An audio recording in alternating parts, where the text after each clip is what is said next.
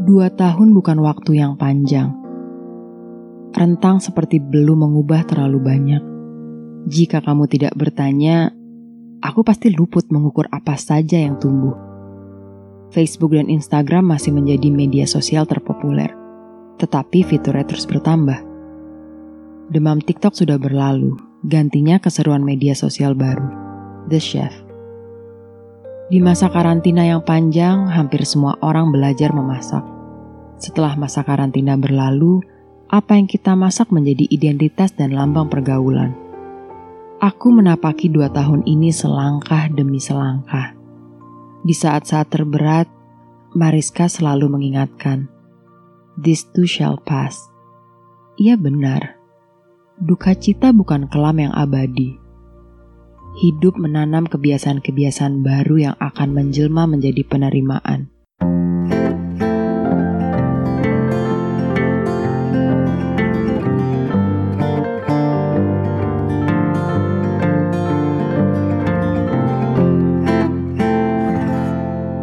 Hai, kamu lagi dengerin podcast Main Mata yang didukung oleh jaringan Potluck Podcast.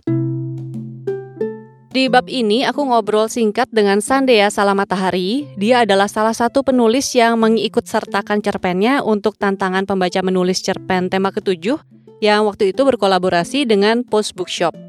Untuk tantangan ketujuh ini temanya yang akan datang normal yang baru pasca pandemi. Nah, cerpen yang ditulis Dea ini judulnya Buku Pukupu. Ceritanya itu tentang kontemplasi seorang perempuan dua tahun setelah anggota keluarganya ada yang didiagnosis positif COVID-19 dan dia harus kehilangan anggota keluarganya tersebut. Kamu bisa dengerin dulu cerpennya di bab sebelum ini.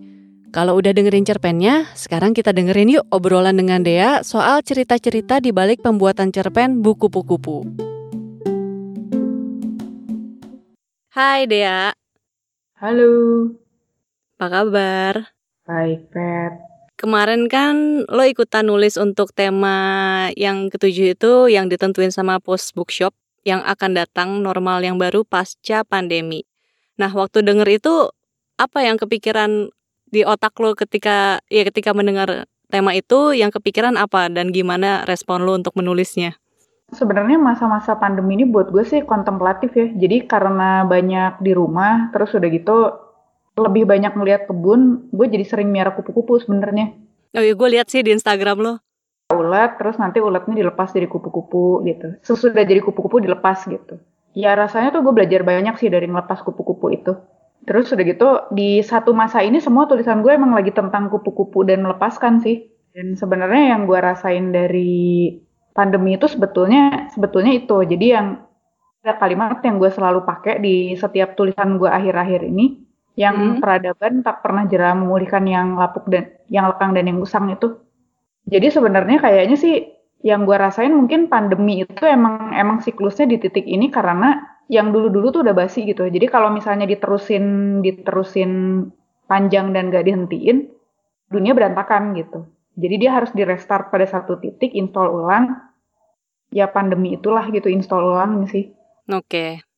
Terus lo kepikiran si buku kupu ini waktu itu gimana latarnya?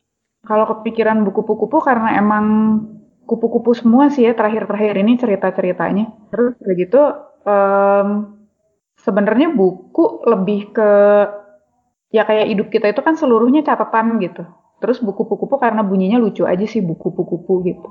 Terus udah gitu kupu-kupu kan juga ya karena karena pengalaman ngelepas kupu-kupu itu segala macam si kupu-kupu itu kayak simbol dari metamorfosa, kontemplasi sama akhirnya dia terbang jadi pengembara gitu. Jadi sama seperti banyak hal yang terjadi sekarang-sekarang ini. Nah, waktu abis baca dan dengerin cerpen lo nih, gue sama Remon waktu itu menangkap hal yang berbeda. Jadi Remon menganggap si tokoh utamanya malah mati Sementara gue menganggap si tokoh utama ini justru kayak terlahir kembali ya setelah berhasil dia menerima masa lalu. Tapi kayaknya pas dia bertemu dengan si Lepidoptera ini, mungkin dia kayak baru tersadar kalau oh akhirnya akhirnya gue memang udah bener-bener lepas gitu. Tapi kalau dari lo sendiri, intensi lo tuh seperti apa? Itu sih sebetulnya kayak flashback untuk melihat untuk jalan ke depan aja sih. Jadi kelengkapin catatan catatan aja. Jadi maksudnya kadang-kadang ada hal yang kita alamin, cuman kita luput mencatat yang terjadi sama kita, terus kita nggak tahu seberapa jauh kita udah maju gitu. Hmm. Nah sebenarnya ketika dia ketemu sama si Lepidoptera itu, dia kayak mundur dua tahun kan ini kan katanya kan new normalnya dalam dua tahun ini kan. Terus dia ngelihat bahwa dalam dua tahun itu sebetulnya dia dia maju juga sih gitu. Ada hal-hal yang yang sudah terjadi dan sebetulnya dia sudah melepaskan, dia udah lahir. Lahir sih kalau buat buat gue sendiri sih dia nggak mati ya. Hmm. Atau mungkin sebetulnya lahir sama mati itu memang Itu berdampingan gitu. Jadi banyak hal yang mati dulu terus lahir kembali gitu. Jadi bisa jadi juga sih. Oke, iya benar juga. Berarti sebenarnya mungkin itu masalah definisi aja ya. Heeh. Jadi sebenarnya yang, terjadi sama dia sih bayangan gue itu sih. Dan si buku kupu itu sih sebenarnya dia cermin dirinya aja sih. Oke. Refleksinya dia. Kalau cerita di dalamnya itu pengalaman si tokoh utama dengan keluarganya itu apakah murni fiksi atau dari pengamatan lo aja atau lo emang pernah bersentuhan dengan kejadiannya? Sebenarnya itu campuran semuanya ya. Jadi meskipun ceritanya nggak persis gitu, teman gue tuh Hmm. ada yang orang tuanya beneran meninggal dua-duanya dalam waktu berdekatan pas pandemi ini sih. Dan apa namanya itu kan teman SMA gue ya di di grup WhatsApp pada ngobrol. Dan Hmm. sebenarnya gue kayak ikut bisa merasakan apa yang dia rasain gitu. Waktu waktu dia cerita.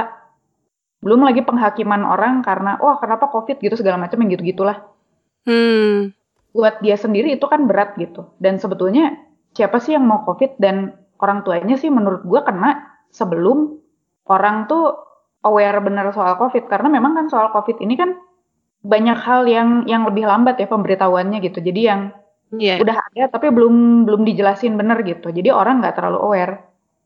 Nah iya. sebenarnya cukup tersentuh ya sama sama pengalaman teman gue itu dan biasanya sih kalau misalnya ada kesempatan untuk ngebelain gitu kalau ada orang yang judgmental sama orang yang kena covid gue pasti ngebelain gitu gitu sih Iya, dan lagi pula mungkin beda dari awareness yang disebra- disebarin oleh pemerintah di luar ya. Di sini pun kan sepertinya awarenessnya pun memang terbatas dan cukup nggak transparan ya. iya Dan dan memang anggapan bahwa kayaknya kalau kena COVID ini kayak sebuah hal yang memalukan tuh kan sebenarnya juga salah ya. Padahal kan nggak nggak memalukan dan memang ya harus disembuhkan gitu. Justru harus tahu kalau dia kena, bukannya disembunyiin malah. Iya bener dan sebenarnya buat yang buat yang apa namanya kehilangannya sebenarnya kita perlu support lebih banyak ya jadi kan mungkin kadang-kadang orang ada yang support ada yang judgmental gitu justru sama yang kehilangan padahal Hmm. sebenarnya kehilangan ya kehilangan aja gitu kebayangkan kehilangan orang tua dalam waktu yang berdekatan gitu Iya, makanya. Terus tadi lo bilang lo banyak memelihara ulat. Itu awalnya lo melihara ulat gimana ceritanya? jadi itu tuh awalnya gara-gara apa ada kepompong di dekat ruang makan gua jadi ya Hmm. tadinya gue biarin aja nah cuman terus udah gitu tiba-tiba si kepompong ini tuh dimakanin sama kayaknya sih sama si Hanafi sih sama kadal di rumah Ada namanya ya? ada namanya jadi di sini sekarang semua binatang-binatang kecil itu ada namanya sih Oke.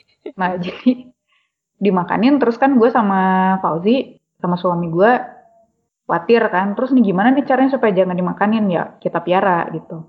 Pertama tuh miaranya juga yang seada-adanya banget lah yang pakai tudung saji gitu lah pokoknya diakal-akalin. Itu lo miara cari tahu tutorialnya atau kayak udah DIY aja lah yang ada? DIY.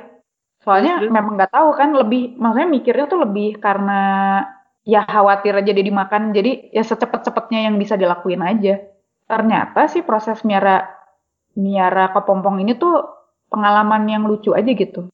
Itu juga sama, dia berproses cuman kayak hari-hari kita tuh berjalan biasa aja tapi sebetulnya ketika kita setiap hari ngeliatin kepompong itu terus makin lama makin hitam sebentar lagi jadi gitu. Itu tuh ada ada pengalaman batin yang menarik gitu sebenarnya sih. Sampai Hmm. akhirnya pas si kupu-kupu itu keluar dari kepompong terus udah gitu kita kan abis dia keluar dari kepompong jadi kupu-kupu dia nggak langsung terbang. Kita harus gantung dulu di dekat jendela selama dia ngeringin sayap kan Oh. Nah itu tuh itu juga satu proses yang kita ngelihat dia ngeringin sayap, terus udah gitu ngelihat dia survive gitu, dia naik ke tempat yang paling tinggi sebelum dia bertolak gitu si kupu-kupu itu. Iya, abis itu uh, dia terbang juga nggak selalu langsung berhasil. Jadi kadang-kadang dia nyoba terbang tapi dia jatuh dulu. Itu yang cukup mengkhawatirkan kan jatuh nih mau ditolong apa enggak. Cuman kata hmm. Fauzi, jangan dia harus belajar gitu karena nanti di luar dia harus survive. Jadi biarin aja gitu. Terus kita liatin, terus ada sesuatu yang emosional pas kita ngelihat gimana si kupu-kupu itu survive, berusaha manjat, berusaha benerin sayapnya sampai akhirnya dia terbang gitu. Dan hmm. itu tuh hmm. menurut gue sih kayak sebetulnya metafor kecil tentang apa yang kita alamin sekarang gitu. Kan sebetulnya di dalam kepompong itu kita sekarang kayak kita kan sebenarnya harus di rumah nih sekarang. Uh-uh. Jadi sebetulnya sama kayak kepupu eh sama kayak ulat di dalam kepompong itu masa kontemplasi gitu. Sebelum belajar survive terus terbang gitu. Oke. Okay. Ya, akhirnya jadi beneran banyak miara ulat karena banyak nemuin ulet juga di pohon jeruk yang sebenarnya harusnya dipiara kan. Terus jeruknya habis gitu sama eh, apa daun jeruknya habis sama si kupu-kupu. Uh, kami mencoba melakukan keseimbangan dengan si uletnya kami pelihara terus kami kasih daun jeruk yang lain yang lebih nggak nggak rusak gitu kalau misalnya dimakanin mereka gitu. Jadi itu sebetulnya salah satu cara untuk memelihara si makhluk hidup dalam keseimbangan aja sih. Itu menarik sih pengalamannya. Berarti ada tadi lo berkontemplasi tentang masa saat ini yang kita alami di mana kita sekarang bisa diibaratkan menjadi kepompong ya. Terus ada pengalaman menarik apa lagi yang lo dapatkan dari memelihara si kupu-kupu ini? Macam-macam sih. Jadi yang gue belajar juga nggak tahu sih ini nyambung apa nggak sama sama pandemi Kupu-kupu hmm. tuh kan sebenarnya kecil terus serangga gitu. Tapi ternyata ketika kita amatin kita belajar banyak gitu dari kupu-kupu. Jadi kayak reminder aja gitu bahwa gue harus menghormatin segala sesuatu termasuk yang paling kecil gitu. Baik manusia maupun informasi atau binatang gitu. Karena sebenarnya sesuatu yang paling kecil itu tuh bisa jadi tercipta dari cahaya ilahi gitu yang kecil dan sederhana gitu. Makanya kita sebetulnya perlu hormat aja sih sama segala sesuatu. Dan bisa jadi ya segala sesuatu yang kecil itu mungkin yang luput dari perhatian kita pun sebenarnya punya pengaruh ke hidup kita ya. Nah sebenarnya kayak pandemi ini memang mau nggak mau jadi merhatiin hal kecil juga ya. Jadi kalau misalnya nggak pandemi terus nggak di rumah kan terlalu banyak hal yang harus kita lihat kan kalau jalan keluar. Yeah. Hidup tuh terlalu cepat dan sibuk gitu.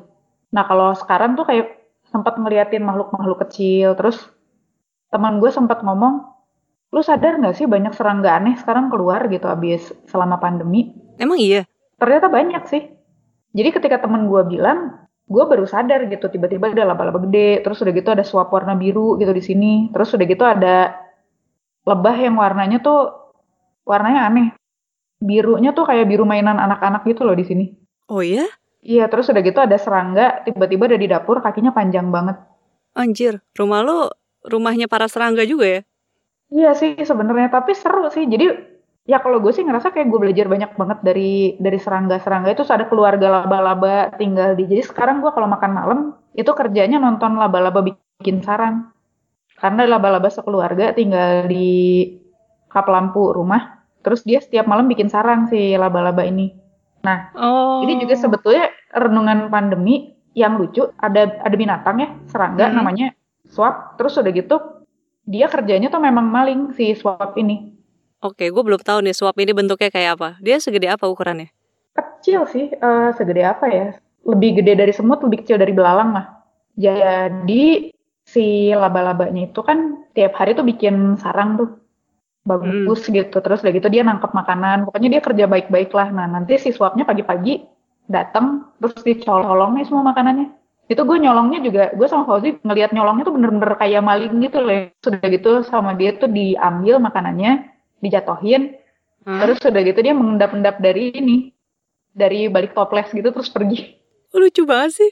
Iya aneh banget kan. Terus udah gitu uh, itu tuh terjadi setiap hari Pat. Jadi gue kayak ngeliat si laba-laba itu ya Allah dia tuh tiap hari capek-capek bikin sarang bagus-bagus terus selalu dicolong gitu kan.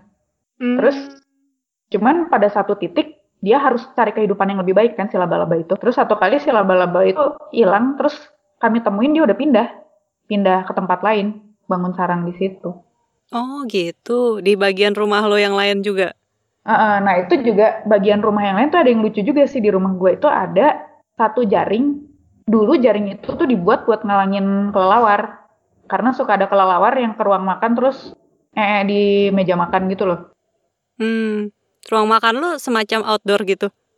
Iya outdoor ruang makan oh, gue. Oh oke. Okay, Jadi udah gitu kan si kelelawar tuh kan ngelihatnya pakai telinga. Jadi kalau dibatasin tuh dia nggak akan bisa nggak akan nggak akan tembus ke situ. Jadi dibatasin dibatasinnya tuh pakai jaring. Hmm. Udah gitu udah nggak pernah datang lagi kelelawarnya. Tapi beberapa waktu kemudian di situ tuh muncul tuh tanaman rambat. Dia tumbuh di jaring itu. Nah sejak si Hmm. tanaman rambat itu tumbuh di jaring itu banyak kehidupan di situ gitu. Jadi kupu-kupu, terus laba-laba itu juga tinggal di situ. Terus udah gitu ada macam-macam binatang lain lah di situ. Yang ya sebenarnya kayak kami tiap hari ngeliatin ke situ tuh ngeliat keseimbangan alam dari jaring itu sih sebenarnya akhirnya. Hmm. Si laba-laba itu juga pindah ke situ sih ke jaring ke jaring itu. Oh menarik juga ya. Dan mereka semua kayak berbagi tempat di situ berarti ya? Berbagi tempat di situ. Oh iya, yang menarik lagi dari kupu-kupu ya sebenarnya. Kupu-kupu itu binatang yang nggak serakah. Dia tuh binatang yang tahu cukup sebenarnya. Gimana tuh? Kupu-kupu itu dia tuh selalu ngelihat dia maksudnya kalau dia bertelur terus dia lihat udah banyak telur lain dia nggak akan taruh telurnya di situ.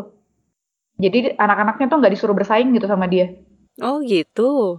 Ah, jadi dia cuma naro si anak-anaknya itu di tempat yang nggak terlalu banyak saingan, terus udah gitu makannya tuh secukupnya gitu. Nah si anak-anaknya itu juga makan, nggak pernah sampai ngancurin tanamannya gitu, nggak kayak parasit gitu.